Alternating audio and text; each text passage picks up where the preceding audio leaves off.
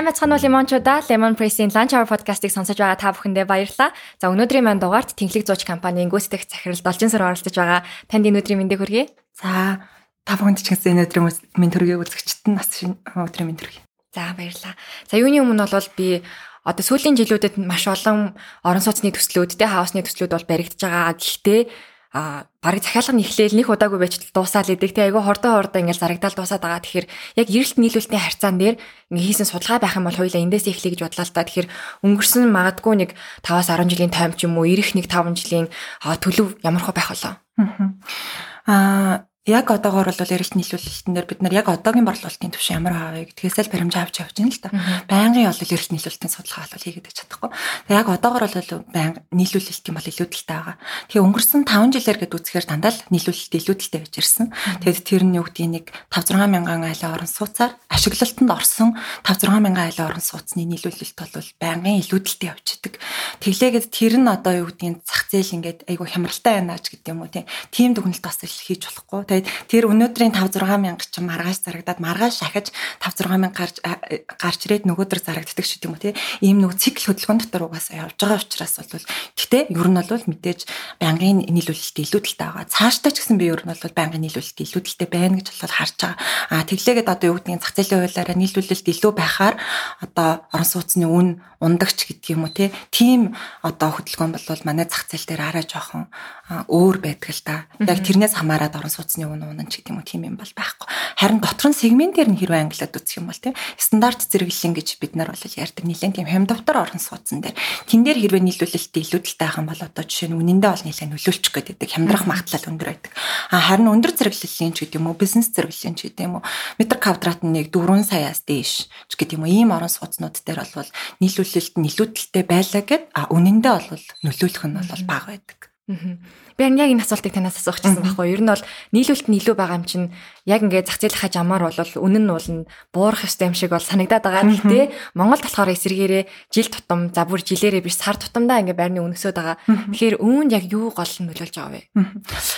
Аа, ерөнхийдөө яг орон сууцны зах зээлийн дундаж үнээр бид нар яриад байгаа. Одоо бол манай хамгийн сүүлийн гаргасан судалгаагаар 2021 оны 8 сарын өнгөрөөл бол 1 м квадратын үн 2 сая 670 эд 2 сая 700 орчим метр квадрат тийм дундаж үн байна гэсэн. За, тэр тоогоор ингээд аваад үзэх юм бол өнгөрсөн жилээс жишээ нь 2020 онд а нэг жилд бол дунджаар нэг 7.4% өссөн байна л да орон сууцны үн. А гэтэл одоо бол 2021 оны эхний 8 сарын байдлаар 6.5% өсчөөд байна дундаж үн. Тэгэхээр бол өнгөрсөн жилтэй харьцуулахад бол үн нь бол арай илүү өсөд байгаа ялангуяа ковидтай холбоотойгоор одоо хүмүүс ч гэсэн яриад байна шүү дээ. Хуучин орон сууцны үн хүртэл өсчөөд байна гэдэг тийм. Гэтэ яалтчгүй энэ бол өсөлт харагдаж байгаа. А энэ дээр бол яг хаа нэг миний харж байгаагаар хоёр хүчин зүйл байгаа. Нэгдүгээрт сая 6% зээл гэж нэг одоо ипотекийн зээлийн хөтөлбөр донд өөрчлөлт орлоо 8 байжснаа 6 болж өөрчлөгдлөө. Энэ бол мэдээж худалдаа авалтыг нэлээд өдөөсөн. А хоёр дахь ер нь бол тэгээд бас нөгөө 10 их 80-ийн хөтөлбөрч гэдэг юм уу те зах зээл дээр нийлүүлэгдэж байгаа мөнгөний хэмжээ бол нэлээд нэмэгдсэн. А хоёр дахь юм нь бол хадгаламжийн хүү бол өнгөрсөн жилүүдтэй харьцуулахад бас нэлээд буусан байгаа тийм үү. Тэгэхээр зэрэг нэгдүгээр хадгал мөнгө хадгалж ясна ашигтай орон сууцнд оруулсан ашигтай юу энэ гэж бодох юм бол зарим талаараа бол орон суудсанд оруулсан ашигтай байгаа холбирууд бас байгаа учраас зарим хүн бол амьдрах зориулалтаар байр авч байна. А зарим хүн бол илүү хөрөнгө оруулалтын зорилгоор байр авч байна. Тэгэхээр зэрэг энэ бол борлуулалтанд бол нэлээд нөлөөтэй. Тэгэхээр борлуулалт өсөд байгаа байхгүй юу? Одоо бас өнгөрсөн саруудтай ингээ харьцуулахад бол борлуулалт бол ковидтай холбоотой хүмүүс бол нэлээд зогссон гэж бодоод байгаа. А гэхдээ бол өсөд байгаа. Тэгэхээр зэрэг саяны хөдөлгөөнүүд бол нэлээд одоо нөлөөлөд а орон сууцны борлуулалтанд болон үнэнд бас тодорхой хэмжээний нөлөөллүүд үзүүлж байна гэж бодож байна. За гурав дахь том нөлөө бол мэдээж барилгын материалын үн. Барилгын нөгөө нэг ачаа тээврийн нэлийн том асуудалтай байгаа шүү дээ чинь тий. Тэрнтэй холбоотойгоор материалын хомсдлууд нэлийн өсөж байна. Хомсдол үүсгээр яг нөгөө нэг төрөний ярьдгаар үн өсөд байна. Аа тэгэхээр нөгөө эцсийн хэрэглэгчд очих байрны үн маань бас өсөд. Одоо би өөрөө ч гэсэн ингээ байр хайгаад судлаа явж байгаа байхгүй. Тэгэн гут яадаг вэ гэхээр а байрны үн 2-7 хоног тутамдаа ч юм уу тий сардаа нэг удаа 50-100 мянган төгрөгөөр метр квадрат тутамдаа нэмэгдээд байгаа. А тэрийг нь бол мэдээж өмнө нь сануулдаг. За одоо нэмэгдэх чинь шүү та захиалга хийх үгээ сануулж байгаа. А гэхдээ яг үндслийг нь ингээ асуухаар а юу гэдэг бараа материалын ингээ гацаа юм орчлоо эсвэл үнэхээр үнэн нэмэгдээд байна гэдэг ч юм ийм тайлбар өгдөг. А байрыг нь харахаар аль хэдийн баригдаа дууссан байдаг. Тэгээ тийм тайлбар авах боломжгүй байрууд бас байгаад байдаг байхгүй. Тэгэхээр түрүүний таны хэлдгээр яалтчгүй нөгөө худалдан авалт нэмэгдээд борлуулалт нэмэгдэхээр энэ бол зах зээл зах зээлийнхаа жамаар гэх юм уу те үнэн өсөд байгаа гэж ойлгож байна тийм нэгдүгээр хоёрдугаар бас хүмүүст нэг тийм бие бинийгээ дагдаг нэг тийм зангууд байна шүү дээ те яг хөө зарим төслүүд бол мэдээж яг ингээд үнийн өсөлтийн график бол аль гаргацсан худалдаа авчдаа танилцуулсан байгаа. За тэр бол мэдээ санхүүжилтийн хөсвөрийн зардал буюу тэд нар өөрсдөө зээлээр хөрөнгө оруулалтаар анхны төслийн санхүүжилтээ яаж босгосноос хамаарат тэр зардал орж ирдэг. Хоёрдугаарт борлуулалтын хурд аяга хамаатай байдаг. Хурдан зарагдаад дуусах юм бол тэр одоо хямдхан үн дээрээ буюу одоо тийм зардал багтаагаар зарагдах нь шүү дээ. Одоо жишээ нь зарим төсөл бол жилийн дотор зарим нэг жижиг блокуд бол жилийн дотор зарагдаад байна тийм. Гэтэл тэнд яг ажиллаж байгаа хүмүүс одоо цэвэрлэгч юм дулаан цахилгааны үн ч гэдэг юм уу нэг жилийн л зардал тухайн төслийн үндсэн төсвөөс гарч байгаа байхгүй. Аа гэтэл борлуулалт удаашраад 2 3 жилээр ингээд дамнаа авцсан ч гэдэг юм уу. Энэ тохиолдолд тэнд ажиллаж байгаа хүмүүсийн цалин, ашиглалтын зардал бүх юм ингээд нэмэгдээд байдаг. Тэрнтэй холбоотойгоор бас үн нэмэгдэх тохиолдлууд байдаг. Аа харин нэг юм нөгөө яг хүний хүчин зүйлтэй холбоотой бас өсөлт яг энэ үед бас айгүй харагдчихэв. Ерөнхий байрны үн ингээд өсөд эхлэнгүүт хууч орон сууцны үн бас ингээд хүмүүс өсгöd байна шүү дээ.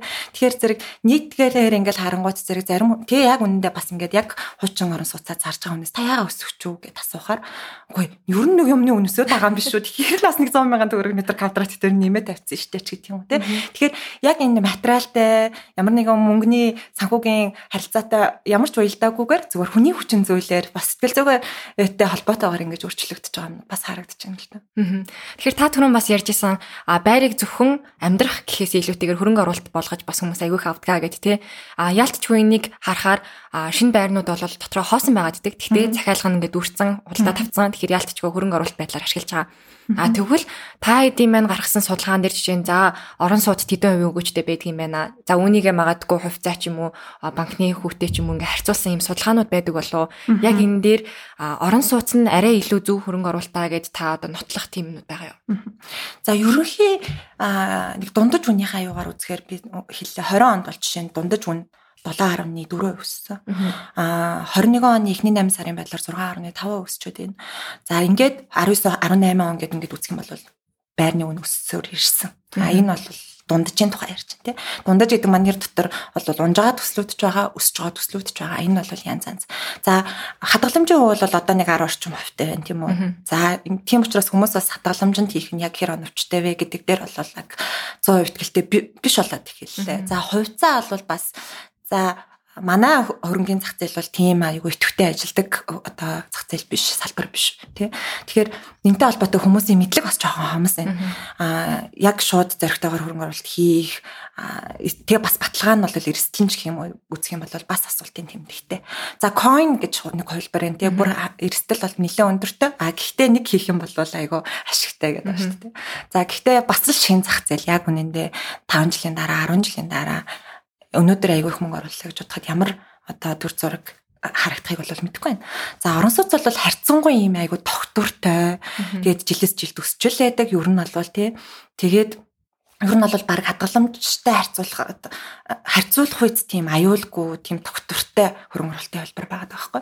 Аа гэхдээ тэрэн дотор яг ямар одоо одоо орон сууцнд ч гэдэг юм уу те ямар үл хөрөнгөд хөрөнгө оруулах нь ашигтай вэ гэдгийг л мэдээж бодох хэрэгтэй. Тэн дээр ч одоо юу гэдэг хувьцаа авахд нэг брокер зөвлөж байгаа шүү дээ те. Тэрнтэй адилхан уул нь үл хөдлөх хөрөнгө авахд бол бас нэг хүнтэй зөвлөх нь одоо чухал байгаа юм л да.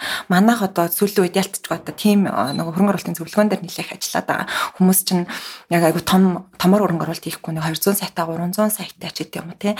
Нэг юм 1 тэрбум доторх мөнгийг одоо ямар хуу байдлаар хөрөнгө хөдлөх хөрөнгөт хөрөнгө оруулал ашигтай байх вэ?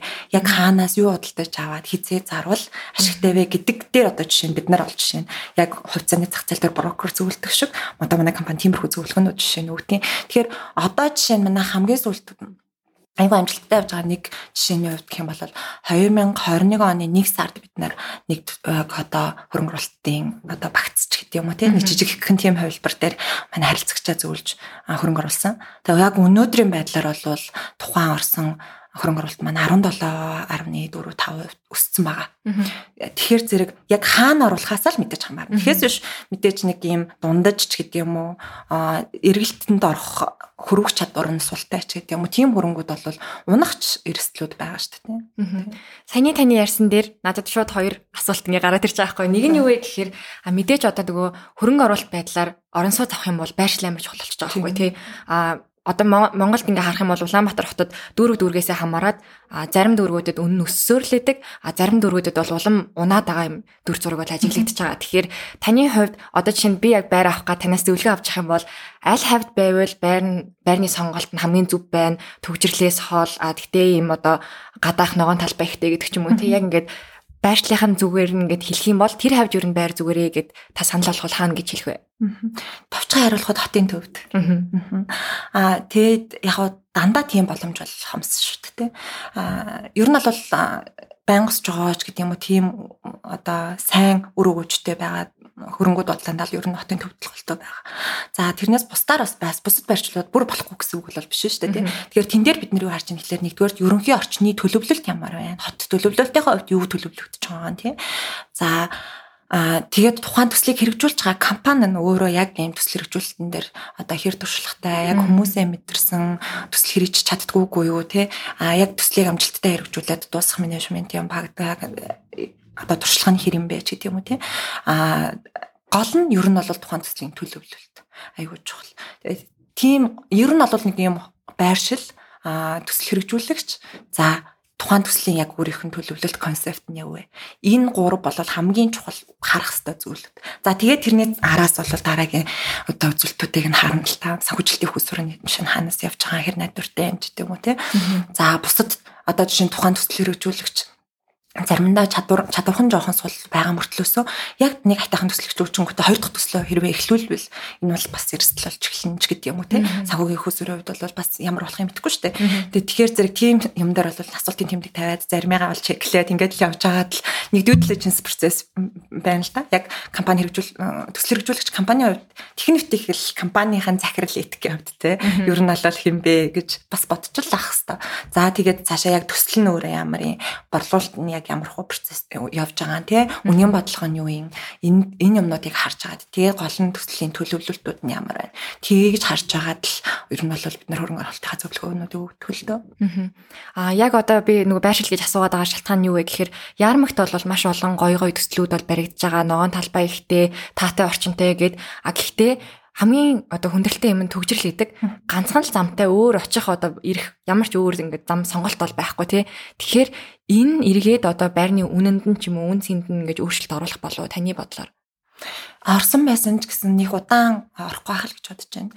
А ерөнхийдөө анх ярмгийн төлөвлөлт жоохон юм одоо юу гэдэг ирээвэр хураавар явцсан ч гэсэндээ ерөнхийн нийт масаараа айгуу тийм айтаахан дандаа хотхон байдлаар төлөвлөгдсөн нэг нэг блок байшин ер нь бол байхгүй шүү дээ. Аль болох арцсангуу бас нэг хотхон байдлаар төлөвлөгдсөн. Тэгээд дээрэс нь нэлээд тэм жоохон зэрэглэл гайгүй дундаас дээгүүр үн анхны яг нэг зах зээлд орж ирж байсан үнүүд нэг дунджаар 3 сая орчим ч юм уу тий. Тэгэж орж ирсэн байдаг. За тэгээд төсөл хэрэгжүүлж байгаа компаниуд нь бас айтаахан чадвартай зүгээр нэг юм хямдхан материалуудаар ингээд нэг блок байшин босгочоод эндээс ингээд энэ зах зээлээс энэ одоо бизнесээс гарах гэж байгаа хүмүүс харьцангуй туршлагатай хүмүүсээр ингээд хийгдсэн тийм хотхнууд нэлээд байдаг. Тийм болохоор би бол их унахгүй болов гэж боддог. Хоёрдугаарт бол унсан байсан ч тэр бол цаг хугацааны нэг төр зургийн л ах бах. За тэгээд бас нөгөө зах зээлийн хөгжлийн жамаараа одоо тэнд чинь нөгөө худалдааны төвөөд айгу бий болоод эхэлж гин. Одоо ийм арт цэр цаана баригдчих штеп. За томхон өөр оргил 8 ч гэдэг юм уу те тэнд бол нэг хотын төв рүү яваад байхгүй амжиргаа явагдаад ах боломжууд бас бүрдээд байна л да. Худалдаа үйлчилгээний төвүүд, сургуулиуд нэлээ одоо олон сайн сургуулиуд тэнд хийгдэж байна. За улсын сургуулиудын төлөвлөгөөч гэсэн тийшээ нэлээд байгаа шиг байлаа. За цэцэрлэгүүд бас тэнд байна тий. Тэгэхээр зэрэг ер нь бол заавалчгүй хотын төв рүү аксес хийх шаардлагагүйгээр тэнд амьдраад байх боломжтой айлууд бол бас тодорхой. А хувь нь байгаа хгүй. Тэгэхээр зэрэг 100% одоо бүгд ингээ хотын төв рүү яваад ингэдэг ийм хөдөлгөөнд ордог биш учраас гайгүй болов гэж бодож байна. За дээрэс нь бол би одоо хотын төлөвлөлтийн югаар бол харахад бол мэдээж тэнд асуудал үүсээд байгааг бол хүмүүс харж байгаа. Аа бид нар ч бас яг гоо төр зэсгээ хийд юм уу хэлээд байгаа ч гэсэндээ тэд нар ч бас юм хийгээд байгаа шүү дээ. Тэрнийх нь хүчээр бид нар ч бас ингээд одоо тийм нийгэм үйлчлэгээнүүд аваад амьдраад байна шүү дээ тий. Тэгэхээр замууд төлөвлөгдсөн байдаг тий. Аа тэгэхээр энэнийг бас бодолцож байгаад тэр асуудлуудыг бас нэг тодорхой хугацааны дараа шийдчих байх. Тэгээ орон сууц чи ямар нэг 2 жилийн настай эсвэл 5 жилийн настай бүтээгдэхүүн бол биш тийм нэлээд юм урт хугацааных. Тийм болохоор зэрэг зүгээр нэг юм үнний асуудал үүсвэл яг нэг юм тодорхой цаг хугацааных л авах. Явандаа бол шийдэгдэх байх. Гарцангуй гайгүй докторч байх гэж Аа төсөл хэрэгжүүлж байгаа байгууллагуудын хувьд бол нөгөө хэрэглэгчийнхаа худалдан авахчийнхаа зан төлөвийг нь аягүй сайн мэд хэрэгтэй тий. А ямар төрлийн байруудыг хамгийн их сонирхоод байна? Ногоон талбай ихтэй юм уу? Эсвэл доторх орчин нь одоо минималист байх хэрэгтэй юм уу? Гэт маш олон судалгаанууд хийдэг байх л та. Тэгэхээр сүүлийн үед ер нь бол байр авж байгаа хүмүүсийн зан төлөв нь ямар хуу байна? Энд дээр та хэд мэн судалгаа хийдгүү? А хийж байгаа бол ямар төрлийн байруудыг хамгийн их сонирхож байна? Гаднах орчин байна уу? Магадгүй утаанаас хол гэж байгаа ч юм уу те. Яг юунаас болж тухайн одоо төслийг сонгох хамгийн гол хөшүүрэг нь болдог бай. За хүний нөгөө нэг орлого те яг тухайн байран дээр төлөвлөж байгаа төсөн мөнгөний хүрэлцээнээс мэдээж айгүй их хамаардаг. Мэдээж хүн айгүй гоё сайхан юм хүснэ. Аа гэхдээ тэрэнд тухайн хүний чадвар хөрхөө хөрөхгүй юу, санхүүгийн чадвар нь хөрхөө хөрөхгүй юу ч гэдэг юм уу. Аа ер нь бол хамгийн гол асуудал бол санхүүгийн чадвартайгаа хүн яг худалдаа авалтаа уялдуулж байгаа юм л да. Тэгэхээр зэрэг альч нийгэмд, альч хотод, альч цаг үед баян ядуу орлого сайтай орлого муутай ч гэдэг юм уу тийм хүмүүсийн ялгаа бол байсаар байгаа нийгмийн давхаргын ялгаанууд бол байгаа. Тэгэхээр зэрэг ийм байгаа үед бол бүхэл төрлийн одоо яг тэр давхар болгонд зориулсан бүтээгдэхүүнүүд, давхар болгонд зориулсан орон сууц, давхар болгонд зориулсан даалгах ч гэдэг юм тийм ийм юмнууд нь бол байдгаараа байна. Одоо хүмүүс айгу мундаг гоё юм хүслээ гэл гинтхэн бүгд гоё орон сууцнд амьдарч чадахгүй байна. Тэгэхээр зэрэг бол энэ сегмент сегментэд зориулсан худалдаа авах чадварт нийцүүлсэн ийм орон сууцуд бол байдгаараа байна. За яг хөө нэлээд тийм худалдаа авах чадвартай мөнгө нь бас боломжтой сонголт хийх төвшөнд нэлээд олон сонголтын дунд ороод ирэхээр юу хүсэж байна гэдэг юм дээр ер нь бол а яг орон сууцны хувьд бол нэлээд тийм хотгон байдлаар төлөвлөгдсөн. А гадны орчны одоо тогтчлолтын дээр хамгийн их анхаарч. Доторхыг бол одоо манайхан бол харьцангуй бүгд төрөл хийдэг болчихлоо шүү дээ тийм айхтар муу барилгууд бас яг байгаа бах гэхдээ одоо юу гэдэг нэг 2000 оны үетэй төр харьцуулахад бол барилгын чанар бол харьцангуй сайжирсан барилгын материалын стандартууд дээр бол бас нэлээд айтах стандартууд тавигдсан байна доторх төлөвлөлт бол ингээд бас харьцангуй хийдэг сайн барьдаг болчлоо. А технологи төгжөөд байна тийм. За тэгтэл гадна орчин дээр бол яг газраас болоод зарим газрууд бол нэлээд жоохон ганцхан гулсуур тавьсан байх жишээ нь тий тоглоомын талбай гэдэг. Тэгээ бусдын бүгдийн машин зохицол болгоцсон ч гэдэм тий. Газрын хүрэлцээнээс нэлээд хамаарат байна л да ялтчгүй. А гэхдээ ер нь бол тийм одоо орон сууцнууд бол ирээдүйд бол явцгүй болох болов гэж бодож байна. Хүмүүс бол нэлээд тийм гадны орчны юмд бол анхаардаг болчихлоо. А манай одоо тэргүүлэх төсөл хэрэгжүүлэгч компаниуд одоо NCT ч гэдэг юм уу тий. А одоо Skyguard-ыг хэрэгжүүлж байгаа Tesa Properties байна. Одоо Монконы сүлжээний барилгуудаас айгүй гоё болж байна. Ийм төсөл айгүй гоё төсөл хэрэгжүүлээд ийм олон жилийн туршлагатай болсон ийм компаниуд маань гоё жишгүүдийг ингээд тавиад нөгөө дараагийн одоо барилгын компаниуд маань нөгөө төлөөсөө суралцаад аль болохоор ойртуулах гэдэг ингээд хичээгээ явж байгаа ийм тал бол бүрстэй айгүй одоо талархуу штэ ямар ч одоо муу компани байсан яаж хийгээд нэг тоглоомын талбай хийчих гээл хичээд байна. Яаж хийгээд нэг спортын талбай хийчих гээл хичээж тий. Тэгэхээр зэрэг ер нь бол бүх юмн дээр төсөл хямдхан болсон байсан ч болсон хамаагүй аль болохоор тийм юм хийхийг хичээж байгаа. Тэгэхээр ийм жишг бол ерөнхийдөө бол бүрдчихлээ орон сууцсан дээр. За юун дээр бол хаус одоо яг амьдрах зорилттой гэж үзэх юм бол хаусны зах зээлээр өмнө нь бол хаусыг хүмүүс худалдаж авахдаа илүү жоохон за агаар хөрсний бохирдлоос холтон гойдч гэдэг юм тийм тийм тохиолдлуудад нэлээд сонирхдаг байсан бол одоо энэ хүмүүсийн нягтршлаас ковидос болоод яг хаусны худалдаа авалтууд нэлээд төгсөж чинь төсөл хэрэгжүүлэгчид бас хаусны зах зээл рүү нэлээд орж чинь а борлуулалтч дагаад айгүй сайжирч чинь нэг талаас ингээд нөгөө эрэлт айгүй эрэлтийг өдөөдөг юм чинь нийлүүлэлт байгаа байхгүй. А нийлүүлэлт айгүй гоё юм өрсөлдөөнтэй олон төрлийн төсөл орж ирээл тий. Тэгэл хүн болгон гоё э, нийлүүлэгч төслөржүүлэгч болгон ингээ гоё өөр өөр сэтгэл аль болохоор гоё юм хийж гээл ингээл өрсөлдөөн дундаас айгу гоё ийм концептууд гоё төлөвлөлтүүд гарч ирээд тэнгууд тэн дээр яг очиод үтсэн хүн заримдаа бол баг хаус судалдаж авах төлөвлөгөөгүй явчихсан хүн хүүе ингэж амьдарч энд болохоор байна штэ тий. Энд ч айгу гоё тийм тансаглал байна. Тийм учраас гээд эрэлт жишээ нь би байгаа жишээ нь Гэтэ яг энэ бол өндөр хувь биш. А гэхдээ ер гол өдөж байгаа хүчин зүйлс нь юу вэ? Агаарын бохирдол ковидын нэгтэрч байгаа гэрэл. Энэ зун жишээнд бид нар одоо жишээ нь манайх баг хөвгттэй л те. Тэгээд ингээд нөгөө цуслангаар ингээ яхаар ер нь тэр карантин ихэлснээс хойш бүр ингээ авч хайцсан.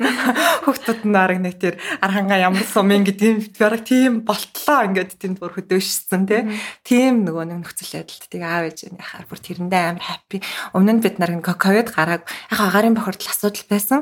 А гэхдээ ковид гараагүй болохоор ч гэдэг юм уу нөгөө ирж очихоос залхуураад юусоо хүүхдүүдэд хоттол байлгаад байдаг байсан. Чи айгүй ханаад өртөө байсан тий ингээл тархлаан суулшин юм байсан одоо ч бүр ингээд хагас жил ингээ гадаа хийцэн ч юм бүр витамин бүх тархлаан сайжирсан тий айгуу тийм зөв юм байна гэдэг нэг юм санаа хөвчлүүд жишээ нь авцсан байгаа байхгүй тэгэхээр одоо яг энэгээр далимдуулаад хүмүүс чинь яг нэг тийм юм айгу зөв юм байна, айтайхан юм байна гэдэг мэдрэмж авчихаар энийг ингээд цаашаа үргэлжлүүлээд яваад байх. Одоо магадлал болвол илүү нэмэгдэнэ гэсэн үг. Зан төлөвт сууж байгаа гэсэн үг. Тэгэхээр ерөнхийдөө ирээдүйн бас нэг ер нь бол 5 жилд бол хаусны зах зээл бол нэлээд идэвхтэй байх баг. За одоо ингээд нөгөө нэг залуу хосуудыг харах юм бол ялангуяа хаусны төсөл рүү ороход айгүй хэцүү байгаад идэг сонголт хийхэд те ягаад тэгэхээр хаусны төслүүд ихэнхдээ хотын зах руу байгаад идэг. Миний хувьд ч гэсэн яг ингээд сонголтоо хийх гээл яг тухайн мөчөд оо хоёр тишээ ингээл цаг гарan хоёр цаг ингээ явахаар чи хайрын цаг юм да гэж бодоод аа тэгсэн хэрнээ би бол гой ногоон талбайтай ойрхон тийм байршил сонгомоор байгаа хгүй. Уул нь л тийм гот хотын төвд тиймэрхүү орчнууд нь харьцангуй цөөхөн. Аа цэцэрлэгт хүрээлэн гэдэг ч юм уу шинэ одоо зохион байгуулагдж байгаа Мишель тэр хаваар гэдэг ч юм уу. Иймэрхүү байрнууд л одоо тойрсон энэ орон сууцнууд бол ойрхон байгаа боловч бусад одоо хотын төвтэй ойрхон байгаа орон сууцнууд бол харьцангуй нөгөө ногоон талбай багтай, хүүхэд тоглох талбай багтай. Гадаа салхин гарыг гэхээр яг нөгөө байрныхаа гадаа сухаас өөр сонголтгүй болчиход байна шүү дээ. Тэгэхээр ер нь бол ийм цэцэрлэг түрээлэн тойрсон байрнуудын орон сууцны одоо үн цэн хэрэг өсдөг вэ? Энэ нь тухайн одоо орон сууцтай хэрэг нөлөөлдөг вэ? Маш их нөлөөтэй. Ер нь бол яг одоо юу гэдэг хүмүүсийн амжиргааны төвшин худалдаа авч чадвар өөрч гэсэндээ нэг юмар нэгтгэж байгаа нь бол хүүхэд тий хүүхдгүй айл гэж бараг байхгүй шүү дээ тий. Тэгэхээр ер нь бол хүүхдийн э, эрүүл мэнд хүүхдийн өсөх орчин айгу одоо аав ээжүүдийн хамгийн их одоо ач холбогдол өгдөг мөнгө зарцуулдаг Тэгээд тэр чинь нэг 1 2 жилийн асуудал биш нэлээ. Хүүхдээ бас нэг өсгөж том болгоно гэдэг чинь 10 гаруй жилийн асуудал байна тийм. Тэгэхээр яалтчгүй нөгөө байр орон сууцсан дээр анхаарахаас үгүй болоод эхэлж байгаа юм. Тэгэхээр зэрэг хэрвээ тэр ногоон байгууламжтай, тийм төлөвлөлттэй, тийм хотхон байх юм бол эцэг их жишээ нь би бол өстэй. Одоо асууж байгаа хүмүүс ч гэсэн байдаг. Баг насны хүүхдтэй 2 3 хүүхдтэй одоо ийм байна. Тийм учраас би бол одоо тийм газар сонгомоор байна ч гэдэг юм уу тийм. Тэнгүүд би олж жишээ нь одоо сүүлийн үед одоо яг ярмаг бол нэг хэсэг нэлийн яг тийм хэрэгцээнд аягүй тохиромжтой байршил байсан тий. Одоо бол хүмүүс яг түүчрэл мүчрэл гэлээдэг болчихож. За гэхдээ бол одоо юу гэдэг тэнд байгаа алиудын хэрэгцээг бол яг тэр хэрэгцээг нь бол хангаад л байгаа. Одоо сүүлийн үед бол би жоохон хүмүүс зөвлөд байгаа байршил бол Мишель Сити орчимч гэдэг юм уу тий. Тэр хавийг бол яг байгалийнхаа тэр нөгөө нөхцөлийг аягүй ашиглаад аа тэгээд нэг юм байгалийн хэрнээсээ наанаас нь жоохон юм тогтчол ботаникал гарден энэ төр хийгээд өгцөн чинь одоо бүр харьцангуй тэнд ингээ амьдрахад аягүй тийм таатай нөхцөл байдал үүсчихэж байгаа байхгүй. Өмнө нь бол бид нар баг Мишель аал нөгөө барилгын материалын зах орхолт тийш явдаг байсан бол одоо бол ингээд бүр бүх юм ингээд бүрдсэн үйлчлэгээнүүд ч гэсэн тэргээр аягүй хангалттай сайн үйлчлэгээнүүдтэй болцсон байна. Аа зам харилцааны хувьд бол бас тийм төвхтэй биш. За тэгээд орон сууцнууд нэлээд нэмэгдчихээн. Тэгэхээр зэрэг одоо ялангуяа би бол тэр Мишель Ситигийн төлөвлөлтийг дагаад тэр авийн орон сууцнууд бол нэлээд тийм модны тэгээд тэр нь бол үнэ нь бол нэлээд айтайхан өсөлттэй байх болов гэж бас харж байгаа. Бас хүмүүстээс яг одоо юу гэдэг яг тийм хэрэгцээнд тулгуурлаад авах гэж байгаа хүмүүст бол бас зөвлөдөг байршлууд юм аа нэг.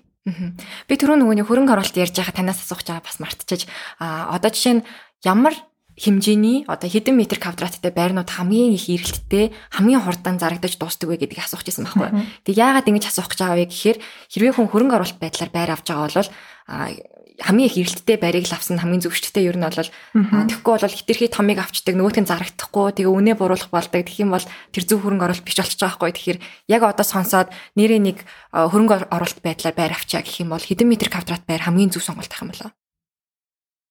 За би бол өөртөө чинь жоохон өөр бод өөрөөс ч өөр бодолтой байна. Хамгийн их зарагддаг байр бол ер нь бол 40-60 м квадрат байр. За одоо бол байрны хэмжээ болж байгаа өсөөл байна. Аа гэтээ 80 дотор. Яагаад тэгэхээр нөгөө ипотекийн зээлийн боломжуудаа хайгаад тэрэн дотор байдаг. Тэгэхээр хамгийн их зарагддаг, хамгийн их баригддаг, тэ хамгийн хөдөлгөөнтэй тэгээд нийт зах зээл дундаа нийт одоо юу гэдгийг аа нийлүүлэгдэж байгаа байран дундаа эзэлж байгаа хувь нь ч гэсэн айгүй өндөр байдаг. Яг 1 м квадраттай. Тэгээ ялангуяа 2 өрөө, 3 өрөө бол бүр хамгийн өндөр байдаг. За гэхдээ яг хөрөнгө оруулалтын дээрээс зөв үү гэвэл бас асуултын тэмдэгтэй. Гэхдээ яг хаанаас вэ? Аль төсөл дээр вэ? Аль байршил вэ гэдэг ахил бодох хэрэгтэй л доо. Аа гэхдээ бол тэгж бодож гаргалгаа гаргаж хөрөнгө оруулалт хийх шийдвэр бол тийм ч одоо зөв бол бас биш. Аа бидний ярилцах цаг өндөрлөх төхөж байна. Тэгээд Lunch Hour гэдэг подкастын маань нэр нь яагаад юм байсан бэ гэхээр бизнесийн лидерүүд маань цайныхаа цагаар яг юу хийд юм болоо гэдэг асуултыг цочин болгоноос асуудаг юм уламжлалтай. Тэгэхээр таны хувьд цайныхаа цагаар сайхан тавтай сайхан сууж байгаа цагаа уучдаг юм уу? Эсвэл үнэхээр амар их ажилтай байдаг учраас цайны цаг нь ингээ хэлбэлтэлтэй байдгүй те. Энэ талаар танаас асуумаар байна. Яан зан зэдэг. Аа, ер нь л хөвчлэн би яг ажлынхаа өрөөнд хаалуулцдаг. Ер нь манай ээжтэйг хамт амьдардаг. Манай нөхөр ээж, манай охин нэг харж мэтэртэй хамт амьдардаг. Тэгээд өглөө цайг маань өдрийн хоолой маань бэлдээд өгчдөг. Тийм учраас нөгөө гарч орох ялангуяа ковидтай үед гарч орох бас жоохон сонирхолтой байгаа. Тийм болохоор ажлынхаа өрөөнд сууж агаад хоолоо иддэг. Тийм болохоор бас айгүй их цаг хэмнэдэг. Тэгээд нэг хоолойг нэг 20 минут орчим идчихэд за тэгээд мэдээж ажлуудаа явуул амжуулна. А ажил харцсангуу гайг байх юм бол би нэг кофе захиалаад өрөөндөө яг ингээд нэг өрөөгөө төгчж чагаад нэг 20 30 минут ингээд нэг тухтайхан шиг ингээд хувийнхаа чатуудыг шалгаад тий ганц нэг гоё бичлэг үзээд подкаст үзээд ч гэдэг юм уу тий тиймэрхүү байдлаар брейк авах дуртай. Аль болохоор тэр өдөр нэг юм ганц хоёр цаг а одоо брейк авч жоохон тархиас сэргэх дуртай. Тэгвэл өглөөнөөс ахуулж ажиллаж байгаа л ингээл үдээс хойш ингээд яхаар голтон брейк авахгүй болохоор би юу гэдэг орон цагууд ялангуяа дөрөөс хойших цагуудын бүтээмж аяга буурчдаг. Тэгэхээр өдөр яг нэг цайны цагийг аяга айтайхан чанартай өнгөрүүлчих юм бол орой 6 болтол 7 болтол аяга айтайхан ийм энерги хөгжчихдөг. Тэгэхээр ерөнхийдөө бол би ажлынхаа өрөөнд өнгөрүүлэх дуртай. Аль болохоор аа нөгөө ажил ярьж хоол иддэг шүү дээ. Тийм юмнаас бол би өстэй айгүй жоохон зайлсхийдэг. Чөлөө цаг байлгах туртай тий. Тийм өөр өөр ялангуяа яг бүр ганцаараа байх туртай. Өнөөдөр бидний урилгыг хүлээн авч ирсэнд маш их баярлалаа. За баярлалаа. Та бүхэн ч гэсэн урьсанд урьж оролцуулсан баярлалаа. За баярлалаа. Энэ хүрээд Lunch Hour podcast маань өндөрлөж байна. Энэ удаагийн дугаар Тэнхлэг зууч компанийн гүйцэтгэх захирал Должин сүрэн орсон байгаа. Дараагийнхаа дугаараар уулзцгаая. Баяртай. Баяртай.